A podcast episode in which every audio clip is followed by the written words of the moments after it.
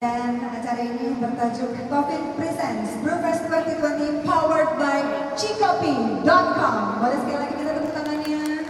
Halo semuanya teman-teman, gua Rifan Bunito atau orang-orang kenal gua Dedi Kuliner. Gua adalah pemilik Kopi Senyum. Selamat datang di podcast cikopi.com bersama Tony Wahid. Assalamualaikum, hello teman-teman. Kembali lagi bersama Tony Wahid dari cikopi.com. Inilah dia, podcast episode ke-116. Mohon maaf, agak sedikit lambat update podcast malum. Lagi sibuk dengan kegiatan offline. Salah satunya adalah Brewfest, sebuah collab saya dengan PT Tofin Indonesia yang diadakan minggu tadi di Senayan City. Tapi ya saya cuma bantu-bantu dikit aja kok. Teman-teman sekalian, di podcast kali ini kita akan berbincang dengan pemilik Kopi Senyum yang namanya tadi sudah ia kenalkan di pembukaan podcast ini. Sepanjang lebih dari 30 menit ke depan, kami tak akan berbincang tentang kopi susu sebagaimana salah satu menu yang juga ada di Kopi Senyum. Tapi kita akan berdiskusi tentang sebuah menu andalan Kopi Senyum yakni avokadonya itu. Ya Allah enak sekali teman-teman. Saya masih membayangkan bagaimana itu kelejatan alpukat yang saya nikmati saat ada kegiatan Brewfest. Tapi begini menu minuman kopi dengan alpukat sih sudah biasa dan banyak disajikan di bisnis-bisnis kopi susu. Jadi anggaplah ini sebagai sebuah ekspresi kebahagiaan saya saat menikmati menu minuman alpukat dari Kopi Senyum. Salah satu yang penting dari podcast ini, kita akan mencoba menghayati kegagalan demi kegagalan hingga berulang kali sampai suatu waktu saat memulai usaha atau bisnis kopi senyum, pemiliknya boleh sedikit menghela nafas sambil tersenyum tentunya. Sebab usahanya sudah mulai menunjukkan sebagai salah satu entitas bisnis yang layak untuk diperhatikan. Makanya saya angkat dalam podcast kali ini. Jadi bagaimana pemilik kopi senyum mengelola usahanya dan siapa tahu ada di antara Anda yang berminat untuk menjadi bagian dari bisnis mereka. Yuk sama-sama kita simak perbincangan saya di sela-sela kegiatan Brewfest bersama pemilik Kopi Senyum. Inilah dia Coffee Licious Podcast. Selamat menyimak teman-teman.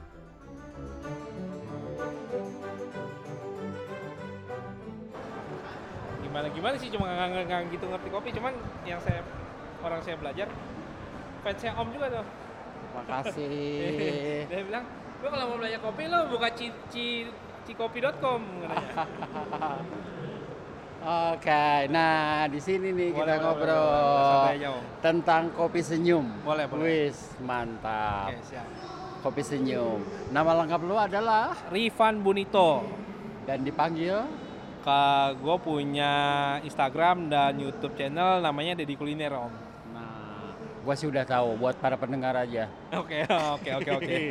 Lu kan followernya udah 200 ribu lebih gua lihat tuh kalau Iya, di IG. 251 ribu. Mantap. Dan itu dimulai sejak kapan sih? eh, 2017 kalau Instagram, tapi kalau YouTube dari 2015. 2015. Iya. Dengan konsep adalah apa yang disajikan di YouTube untuk para pendengar podcast supaya mereka nanti klik Eh, channelnya. basically karena gue suka makan di pinggir jalan, jadi ini kaki lima sih kebanyakan diliput terus sama ada yang mukbang juga sih. Mukbang itu sebenarnya bukan makan banyak sih kalau bahasa Korea, jadi kayak makan tapi direkam sebenarnya. Cuma kalau orang Indonesia taunya mukbang itu makan banyak. Dan memang heboh banget sih ya. Iya. Memang harus heboh biar orang mau nonton kan menarik. Kalau kita makan biasa aja nggak ada daya tariknya orang juga apa yang mau dilihat gitu nggak ada kan. Dan itulah daya tariknya yang lu coba sajikan buat para penonton di YouTube-nya. Betul. no. Walaupun sering kena hujat tapi gue ambil positifnya aja sih. Lu kena hujat kayak gitu dimasukin hati nggak sih? Dan Enggak sih soalnya yang setahu gue kalau orang yang maksudnya pendidikannya tinggi, orangnya baik sih nggak mungkin komentar begitu. Kebanyakan sih memang yang komen-komen itu kebanyakan eh, anak-anak kecil yang baru di dunia internet. Jadi dia Oh, lu kayak udah tahu lah ya. ya gue udah tahu memang dia orang, cuman ya gue nggak nggak ambil nggak ambil hati sih. Jadi lu nggak usah tanggepin lah, biarin aja ya. Iya memang malah kalau sisi baiknya sih jadi kayak ada pro kontra jadinya karena banyak yang pro kontra jadi komennya banyak jadi engagementnya naik Malahan menguntungkan dong ya. betul jadi menguntungkan Oh, jadi bagus ya. Heeh. Lo semakin banyak komen-komen negatif, semakin engagementnya tinggi. betul sekali itu yang diharapkan Dan kita saat ini ada di Senayan City dan tadi gua melihat kopi senyum. Mm-mm. Salah satu kreasi lu yang terbaru saat ini. iya betul om Nah, boleh diceritakan dulu. Mungkin kita mulai. Kenapa lu namanya kopi senyum? sebenarnya enteng karena enteng didengar aja sih jadi eh, idone- identik juga kan dengan kata nggak pakai bahasa Inggris jadi identik jadi gampang diingat orang sama familiar sama orang lah biar gampang promosinya Dan sesuai dengan karakter lu yang selalu tersenyum. nggak selalu sih tapi memang ya enteng banget kan kalau kayak gampang banget dia inget Gampang banget diinget ya. Iya. Dan itu dimulai sejak kapan? pertama kali buka di Kelapa Gading itu tahun lalu 2019 bulan September Masih beberapa bulan nih ya, belum satu tahun dong ya. kurang lebih enam bulan hampir enam bulan om Dan selama enam bulan itu, wah ini perkembangannya udah banyak. Nanti ya buat pendengar podcast kita yang ada di eh, Brew Festival yang diadakan oleh Taufin ini, tadi kita melihat bagaimana antrian yang begitu panjang, luar biasa. Mereka rela antri sampai kayaknya nunggu lama. Nunggu ada yang ngomel tadi nunggu udah setengah jam nggak keluar keluar luar biasa. Kopi senyum, konsepnya kayak gimana? Ah, dulu itu aja dulu. konsepnya awalnya pengen jual kopi susu gula aren yang kekinian. Eh, tapi tetap mementingkan rasa kopinya. Jadi eh, sorry gua nggak nyerang kopi-kopi lain tapi gua walaupun harganya murah tapi tetap pakai alat yang proper. Jadi gua pakai Simonelli Apia volumetric jadi walaupun gue jual kopi susu gula aren cuma 18.000 tapi gue tetap pakai mesin yang cukup mahal buat gua. Karena nilai investasinya jual 18.000 beli mesin yang segitu mahal orang pikir kadang-kadang nggak worth it sih. Terus dari sana gue lihat kalau gue cuma jual kopi susu doang sama banget sama yang lain. Nah gue mengeluarkan avocado. Nah itu daya tariknya Dan perlu juga diketahui bahwasannya avokadonya itu bukan powder nih sebagai gua garis bawahi ya. Ini adalah sebuah bahan baku yang dari avokadonya langsung. betul Dan tadi banyak eh, mungkin gua salah satu yang akan nanya. Avokado lu, ya Allah, enak banget. makasih. Enak banget. makasih makasih Luar biasa. Gua tadi sampai eh, diketawain sama apa? Sama teman-teman gua yang lagi menikmati avokado. Lu lapar atau apa sih? But seriously, ini bukan sebuah lip service. Itu one of the best eh, avocado Hmm, yang disajikan oleh eh, salah satu gerai kopi hmm. yang pernah gua temuin. Yang membuat antrian begitu panjang salah satunya adalah banyak yang ingin mencoba avocado. Avocado yang betul-betul dari avokadonya juga. betul Dari ova maltinya juga yang kita lihat, kemudian es krim coklatnya juga. Dan lu sangat generous untuk porsinya, Nah, luar biasa. Dan harga jualnya adalah eh, untuk alpukat Nutella es krim 29.000 untuk Ovaltine 32.000 untuk harga segitu ya, gua sih itu uh, worth it banget. Bukannya apa-apa, kita ini ngomongin bahan baku ya. Iya. Kita nggak akan dulu ngomongin mengenai kopi susu. Gua udah banyak ngomongin kopi susu. Oke, Om, lain nggak apa-apa. Uh, Tapi ini adalah sebuah uh, bentuk usaha atau bisnis, well, gimmick dalam tanda kutip yang memang lu sajikan yang bisa menarik banyak pelanggan ya. Apa Betul. betul kayak begitu tuh? Betul betul banget. Malah pertama kali buka yang di Kelapa Gading itu sampai gua pertama pesen 60 kilo. Wah nggak cukup juga, gue pesen 100 kilo, nggak cukup juga, gue pesen 200 kilo, nggak cukup juga, gue pesen 300 kilo. Sampai itu gudang gudang gue cuman isinya alpukat semua. Jadi memang luar biasa. Cuman memang kenapa harga kita bisa murah dengan kualitas alpukat atau avocado yang bagus itu karena gue langsung beli sama petani. Jadi pengepul petani. Jadi tangan pertama lah, tangan sorry ya hitungannya tangan pertama lah. Jadi harganya gue bisa tekan dengan kualitas yang bagus. Dan betul-betul itu alpukat mentega ya. Betul, alpukat mentega dan eh, ada beberapa trik juga sih sebenarnya, cuman rahasia internal kopi senyum. Masya Allah, tentu kita tidak akan buka. Iya soalnya memang eh, intinya sebenarnya sih kalau di kopi senyum memang namanya buah kadang itu kan tergantung alam ya. Kadang-kadang memang ada yang di luar ekspektasi kita gitu. Kadang-kadang udah lihat fisiknya bagus, warnanya bagus tapi di pas dirasa tesnya ada tetap pahit gitu. Dan gimana tuh eh, caranya untuk menghandle tantangan kayak gitu? Ya pertama kadang-kadang ke kita cari dulu sumbernya dari mana. Dari sumbernya kita komplain. eh, udah kita komplain ya next time jangan kirimin gini lagi. Jadi terus kalau sumbernya yang sama ini kita ambil lagi, kita harus tes dulu gitu. Mungkin ada asumsi gue yang salah ya, Hmm. atau mungkin teman-teman lain juga yang salah bahwasanya konsumen selalu menginginkan harga yang sangat kompetitif. Betul. Tapi gua rasa tidak berlaku untuk avocado ini, betul? Eh Di atas harga rata-rata kopi susu betul. dan menu-menu lainnya gua rasa. Betul betul. Tapi eh karena basically gue sendiri pun suka alpukat makanya keluarin menu alpukat karena selama ini gue kalau ke tempat jus itu beli alpukat udah gue bayar mahal gue tetap dapat alpukat yang encer dan rasanya di luar ekspektasi gue karena gue udah keluarin mahal dengan 29.000 yang sekarang gue bikin itu menurut orang worth it semua sih dan terbukti orang repeat balik gitu Salah satu best selling. Betul. Memang itu khasnya kopi senyum sih, avocado. Ahaha. Membuat orang tersenyum Eh, dengan menikmati avocado selain kopi susunya. Yoi. Tapi kopi kita juga nggak kalah enak.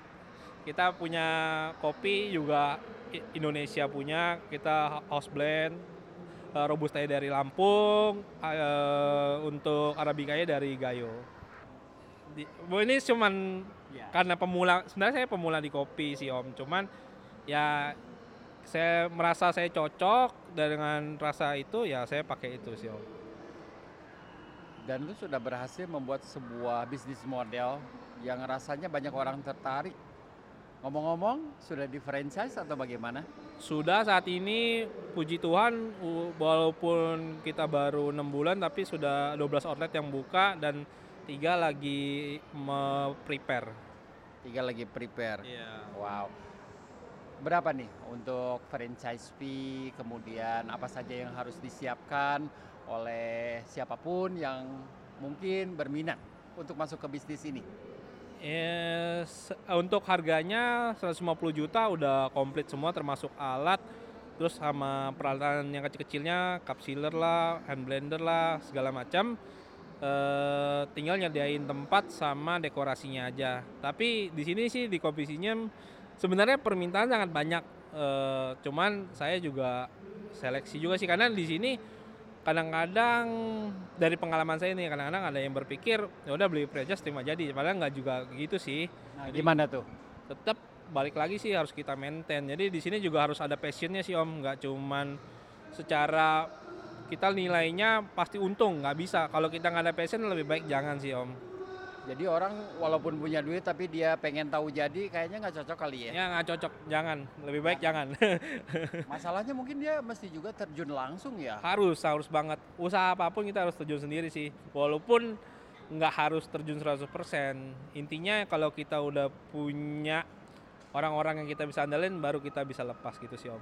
Tapi tetap awalnya dia harus berjibaku dulu untuk memulai usaha ini, franchise ini. betul om. Pertama kali saya buka franchise ini waduh dari bangun tidur sampai tidur lagi tuh berpikir bekerja. Jadi cuman sekarang puji Tuhan udah ada orang yang bisa saya andalin sih. Hmm. Dan menu-menu yang create selama ini pada awalnya? Saya sendiri tapi memang ada konsultasi juga beberapa sama teman-teman. Saya pun eh, di sini masih sangat apa ya pemula jadi masih belajar banget sih you just being humble. enggak lah om memang kita kan saya juga ya kalau om Tony lah terkenal lah untuk orang kopi kalau saya siapa itu gitu. Wait, untuk makanan gue bukan apa-apa. you are. Enggak juga sih om. Tapi ya punya kelebihan masing-masing lah kita. Iya betul. Tapi ya, Hmm, gue mungkin eh, bisa ngebayangin hmm. eh, dalam waktu dekat bisnis ini akan berkembang kopi senyum. Amin, mudah-mudahan. Ya mudah-mudahan Kopi Senyum membawa berkat juga buat eh, orang-orang sekitarnya, karyawan lah, supplier lah, petani kopi, petani alpukat. Eh, hampir bisa dibilang 95% itu kita pakai produk Indonesia sih Om. Yang untuk semuanya ya. Iya, Kopi Senyum pakai itu produk-produk eh, memang asli Indonesia punya. Alpukatnya lah, kopinya lah. Cuman cuman beberapa item doang sih kita pakai yang dari luar. Ah, dan tahu nggak tadi beberapa komentar dari yang nunggu. Gua eh, mendapatkan beberapa informasi dari mereka. Ah, Komentar yang paling banyak adalah, apa Om? wow, bahan bakunya alpukat beneran.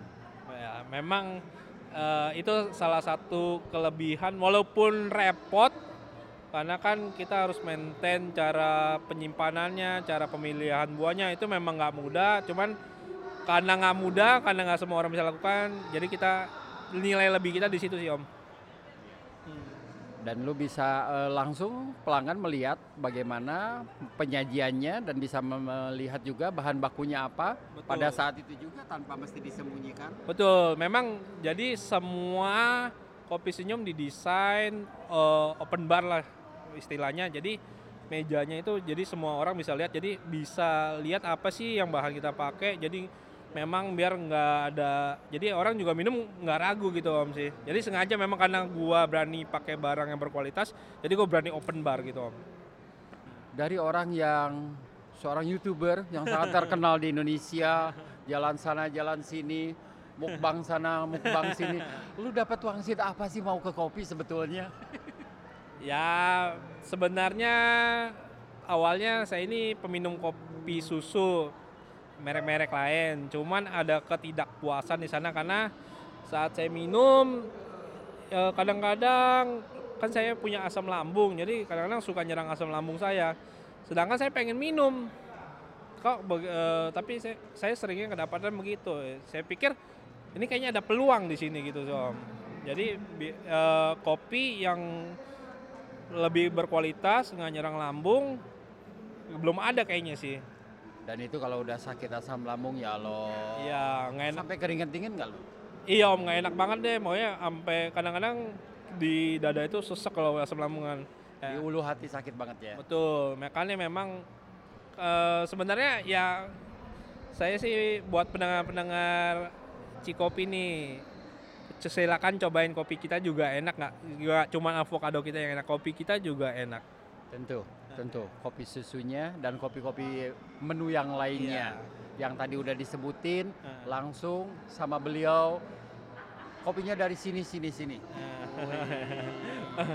ya sebenarnya sih nggak ada rahasia sih di sini kayak orang juga kalau mau mau bikin mau lihat menu kita karena kita bikinnya di depan orang jadi orang juga tahu sih apa yang kita tuangin gitu Malahan ukurannya juga diliatin kok ya. ya nggak apa-apa kalau memang mau sebenarnya nggak ada masalah sih intinya sih bukan di resep tapi di maintainnya sih om Itu yang susah mungkin Iya, ya. itu yang susah. Jadi kopi senyum pun sendiri masih ada kendala di dalam maintain sih. Eh, memaintain kualitas. Betul, memaintain kualitas gitu, menjaga kualitas itu memang yang paling sulit. Selama kita bisa jaga kualitas, kita nggak usah takut kehilangan pasar sih om. Waktu pertama memulai nih, Hmm. ada bayangan kegagalan atau Ada sih, eh, cuman saya ini udah sering gagal sih om, jadi nggak bukan hal baru lagi kalau gagal buat saya sih. Jadi saya ini usaha kopi senyum itu usaha ke kurang lebih hampir ke 8 atau ke 9 usaha saya. ke 8 atau ke 9? Iya, saya lupa pastinya om. Jadi Yang sebelumnya macam-macam, saya pernah buka restoran. Buka restoran itu pernah total tiga kali.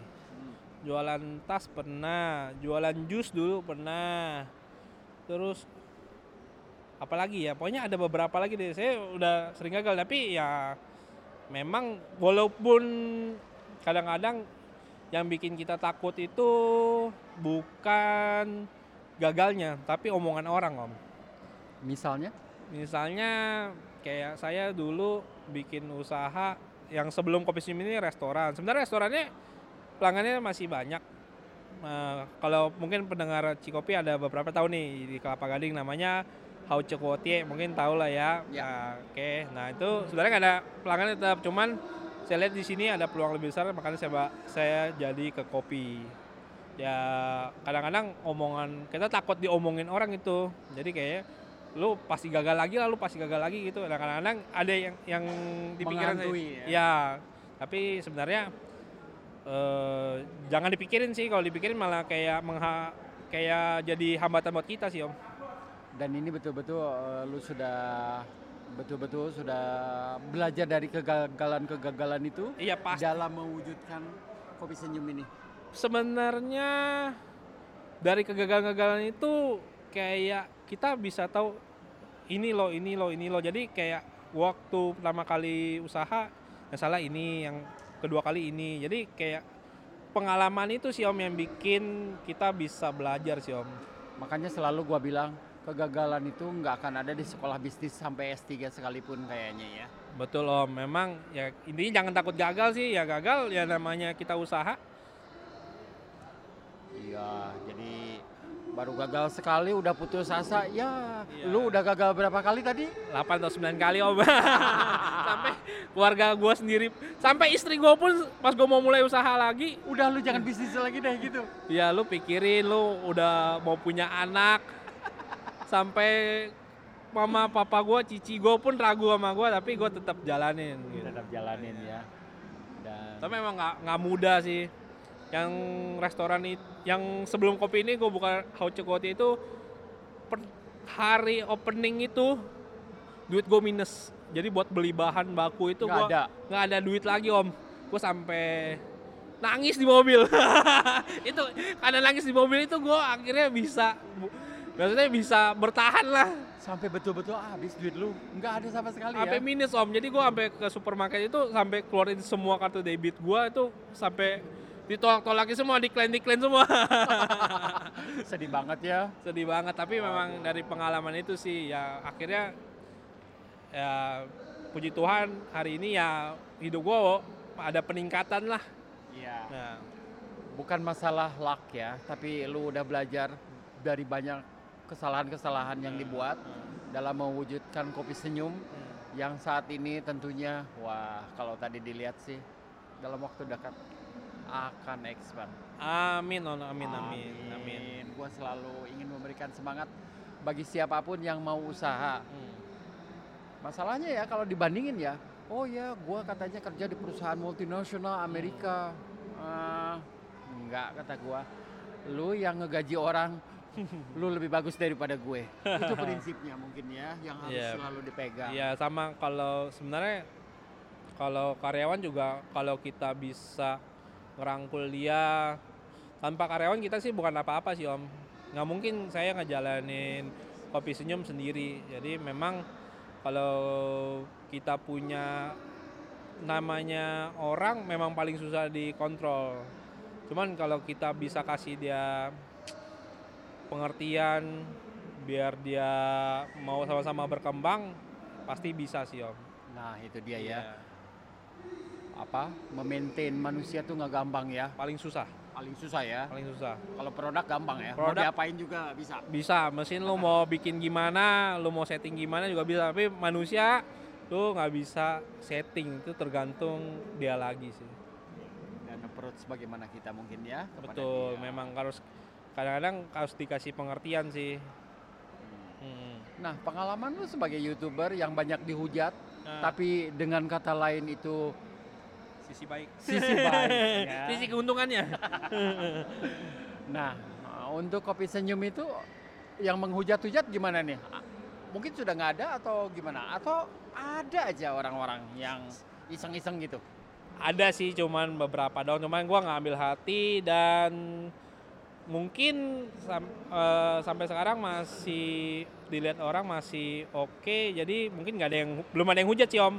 Cuman yang nggak takut sih gue sama hujatan. Jadi Lu udah kebal lah ya? Iya udah kebal sih. Soalnya gue memang nggak peduli. Jadi yang menurut gue baik gue nggak nggak nyakitin orang ya gue bisa menghasilkan buat orang ya ngapain gue pikirin gitu sih om.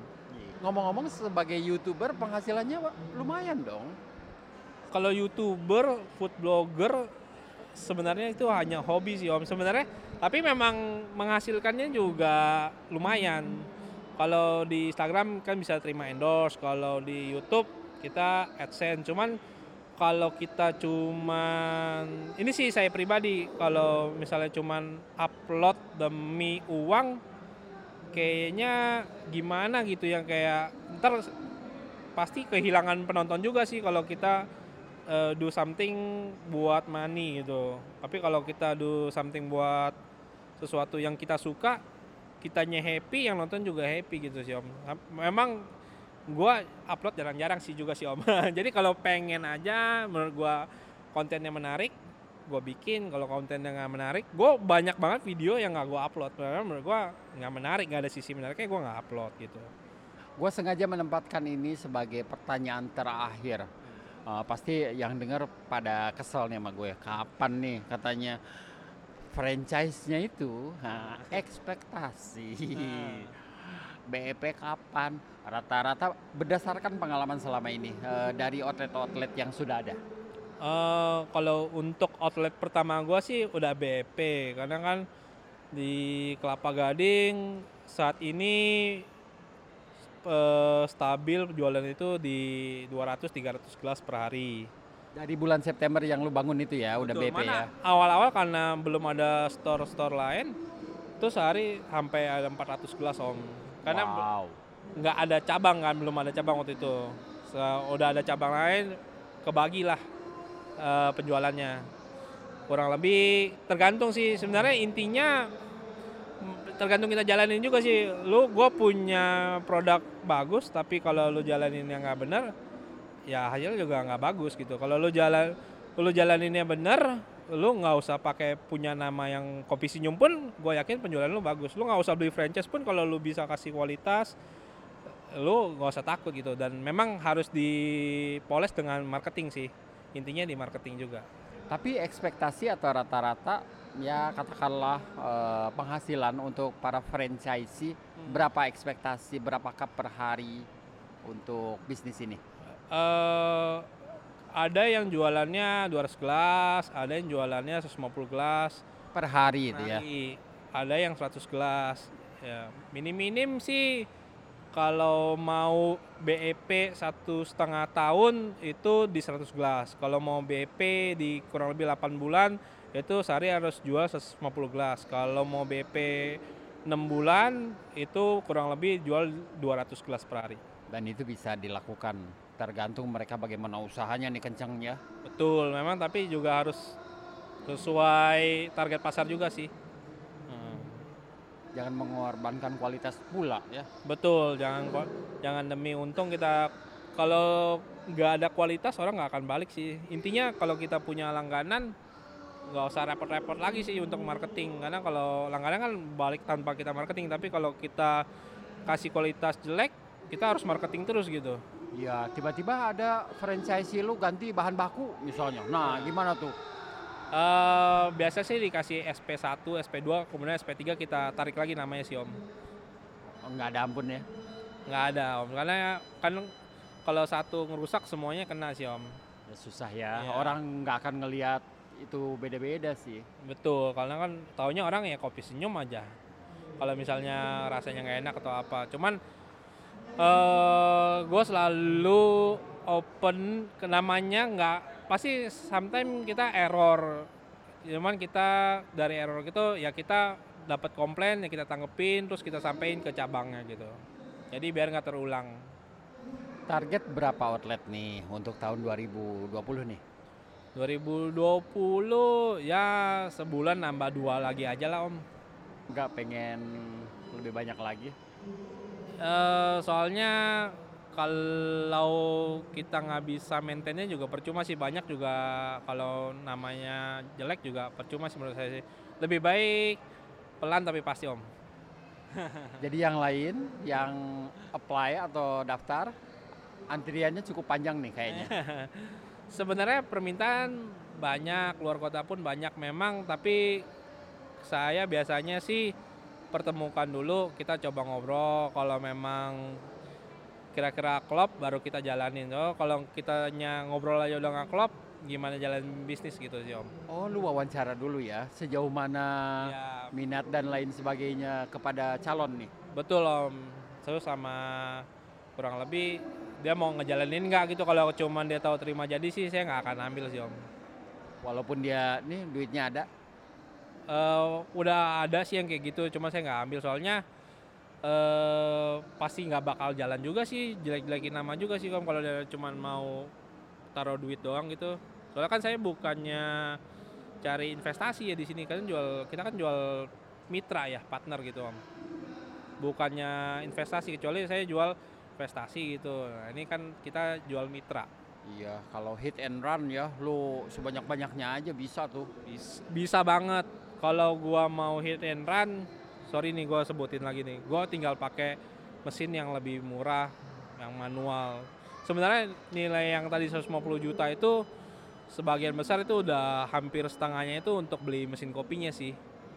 Jadi memang gua mempertahankan kopi senyum ini tetap eh, bisa kasih kopi yang berkualitas dengan harga yang terjangkau Dan tentu didukung oleh peralatan yang juga berkualitas. Betul om, dengan bahan-bahan juga berkualitas. Kayak susu, walaupun gua jual murah, boleh sebut merek om? Boleh, Boleh. bebas. Eh, Gua pakai susu Grandfield, ya gue juga pakai beberapa eh, ingredient yang sebenarnya ini diperuntukkan untuk minuman yang sebenarnya untuk minuman yang agak mahal, cuman gue tetap gimana cara gue pikirin biar tetap bisa masuk di kopi senyum sih. Kayak Grandfield kan om tahu sendiri lah dibandingin yang merek-merek lain lebih cukup mahal ya. Cuman memang gue sukanya itu ya gue pakai itu. Dan memang rasanya beda ya. Ya memang rasanya terbukti beda sih. Kalau memang sekali dua kali kita nggak mungkin belum berasa tapi kalau udah sering-sering nyoba baru berasa sih rasanya Om. beda pasti. Lagi ngehits nih boba. Lu masuk juga ke sana? Enggak. Nggak masuk ke boba. Ini pe- pendapat gue pribadi sih. Gua menilai boba itu hanya momentum sih om. Nah, ini pendapat pribadi cuma kalau gua salah bisa bisa Nggak banget. apa-apa. Ya bisa banget gue bisa salah. Menurut gue sih ini momentum aja sih karena singkat sih gue bilang sih. Sebagaimana momentum waktu ada uh, King Mango dan lain sebagainya kali ya. Ya kurang lebih seperti itu. Iya. Wah ngantri panjang beberapa bulan. Udah gitu kok nggak ada lagi nih outletnya. Ya, ya namanya bisnis ya beda-beda lah. Cuma kalau saya ini pribe- eh, saya lebih mau sih yang ada jangka panjang gitu sih om. Kalau bisnisnya yang pendek kan kita juga pusing kan dan kredit apa nama baik kita juga ya orang udah terkenal kan kalau misalnya hit and run. Iya. Tapi uh, gua lihat tadi lu sibuk banget memecahkan berbagai macam masalah yang kebetulan Ah, pada saat rame ada mesin mogok lah, Iya sering. galon habis lah, Iya. dan lu langsung terjun langsung ke bawah Iya. tanpa memerintahkan anak buah yang juga sibuk melayani komplain daripada pelanggan yang datang. Kok lama banget sih? Iya. Tapi itu adalah sebuah keasikan kali ya buat lu Iya. sibuk kayak begitu, Eh, excitednya, Semen- iya betul Om. sebenarnya eh, gua dari dulu memang sukanya terjun langsung gitu sih gua sebenarnya kalau untungnya gua punya istri yang bisa memanage administrasi. Kalau gua nggak punya istri yang bisa memanage administrasi mungkin kopi senyum udah berantakan ke mana-mana. Jadi gua sebenarnya orang lapangan jadi udah terbiasa sih om dengan bikin minuman sendiri beli barang sendiri ngangkat barang sendiri. Gua loading barang juga sendiri om walaupun ada orang. Iya. Nah, Tadi gua lihat lu nggak perintah-perintahin anak buah lu kan banyak tuh di sana. iya. Lu ngangkut-ngangkut sendiri aja. ya Biar sendiri ya kalau masih bisa kita sendiri ya jalanin aja sih om. Well, mungkin ada beberapa perbedaan kualitas eh, para pemilik perusahaan itu dan siapa pun yang menangani sebuah company wajib tahu sampai apa yang mesti dilakukan kayak ya Starbucks, McDonald, misalnya mereka harus tahu cara membersihkan WC misalnya. Mungkin itu yang lo terapin juga ya. Oh iya semua betul eh, semua karyawan di Kopi Senyum gua ajarin semua sih. Nggak cuma satu orang yang bisa bikin kopi semuanya bisa bikin kopi. Jadi semuanya harus terjun semuanya dan gue pun begitu. Gue pun semuanya bisa dan gue juga berharap semua yang beli franchise kopi senyum bisa bikin semua minuman juga. Soalnya kalau kita ngarepin orang lain saat orang lain itu pergi ya udah sampai situ aja usaha kita Iya. Boro-boro ngeliatin kualitas. Heeh. Udah keputus ya. iya kalau kitanya sendiri nggak bisa kalau karyawannya salah kita tahu dari mana gitu Oke. Senang banget ngobrol sama lo, sangat humble. sama-sama enggak tri- eh, malah gua sangat apa ya happy lah Om Tony mau wawancara gua Om Tony ini gua belajar kopi dari orang kopi dan orang kopi itu bilang kalau lu mau belajar-belajar kopi lu baca cikopi.com dan nggak nyangka hari ini gua diwawancara sama Om Tony langsung Ya, menyenangkan. Eh, buat gua, lu juga ya inspirasi. Utamanya buat teman-teman yang lain yang ingin membuka usaha ya. Lu jangan takut gagal. Dan lu udah gagal tuh bukan sekali dua kali, delapan kali. Iya. ya memang ya ya nggak ada sih kalau lu usaha sekali langsung sukses itu sangat luar biasa mungkin luck lu 99% kali ya. Tapi ya memang semuanya intinya sih butuh proses. Teman memang sampai sekarang pun Kopi Senyum punya banyak tantangan juga, tapi kita harus hadapin juga sih segala tantangan. Jadi kita hadapin aja nggak usah takut. Gitu sih Om. Dan lu mungkin men, apa mengaplikasikan sebuah kata-kata yang selalu diucapkan oleh para nevisil eh, pasukan khusus Amerika. Gimana sih lu bisa lulus nevisil? Apa resepnya?